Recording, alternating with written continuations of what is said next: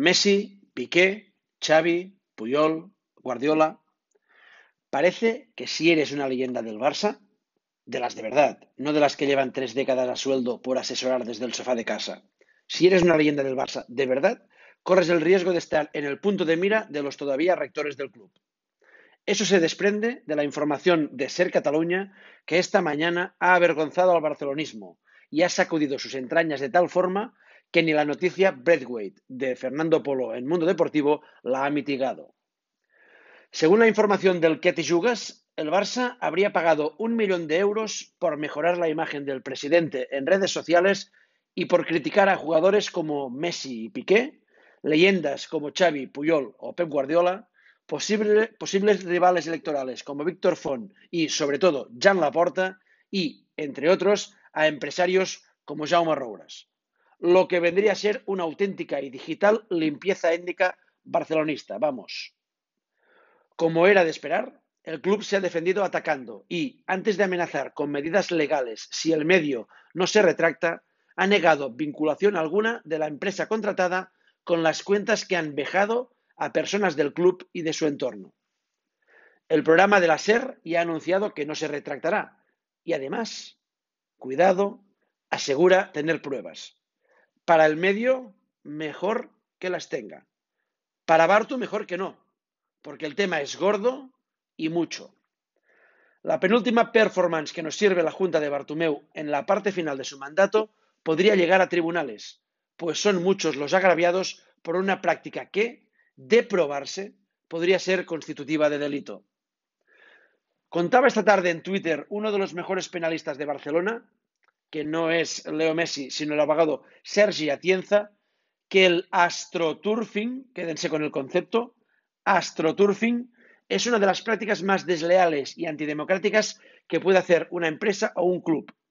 Y la definía como cualquier acción online que tenga por finalidad manipular una opinión pública o tendencia social para dar apoyo o rechazo a una persona, idea o producto. En definitiva, una conducta que altera el, mercado, la libre competencia o unas elecciones. Y sería este el supuesto que nos ocupa al elegirse el presidente del Barça mediante sufragio universal. Y cuidado, porque Atienza advierte de la posibilidad de que se pueda haber producido un delito de administración desleal según el artículo 252 del Código Penal si se demostrase que se han ostentado facultades de administración de un patrimonio ajeno, que se han excedido en el ejercicio de estas facultades y que han causado un prejuicio patrimonial. Todo esto, insistimos, si se confirman las prácticas que se derivan de la información del Yugas de la cadena, de la cadena SER. Una información Cuidado, que amenaza con no detenerse aquí. Con lo contentos que estaban algunos con las cosas raras que pasaban en el Manchester City. Bochorno también en Guimarães, donde la afición del Vitoria profirió insultos y vejaciones racistas a Musa Marega, el fenomenal delantero del Porto, que indignado decidió, abandonar el campo. Pero el bochorno no acaba aquí, porque el noble gesto del delantero francés de origen maliense no encontró el apoyo ni del árbitro ni de su propio equipo. Al Trencilla ni le pareció procedente parar el partido ni grotesco mostrarle a Musa la amarilla. Sus compañeros de equipo, con la sensibilidad y la empatía de una ameba, intentaron impedir que abandonase el campo, y su entrenador, el internacional Sergio Conceição, lo sustituyó por un compañero. Una rendición en toda regla, vamos, un autogol de campeonato.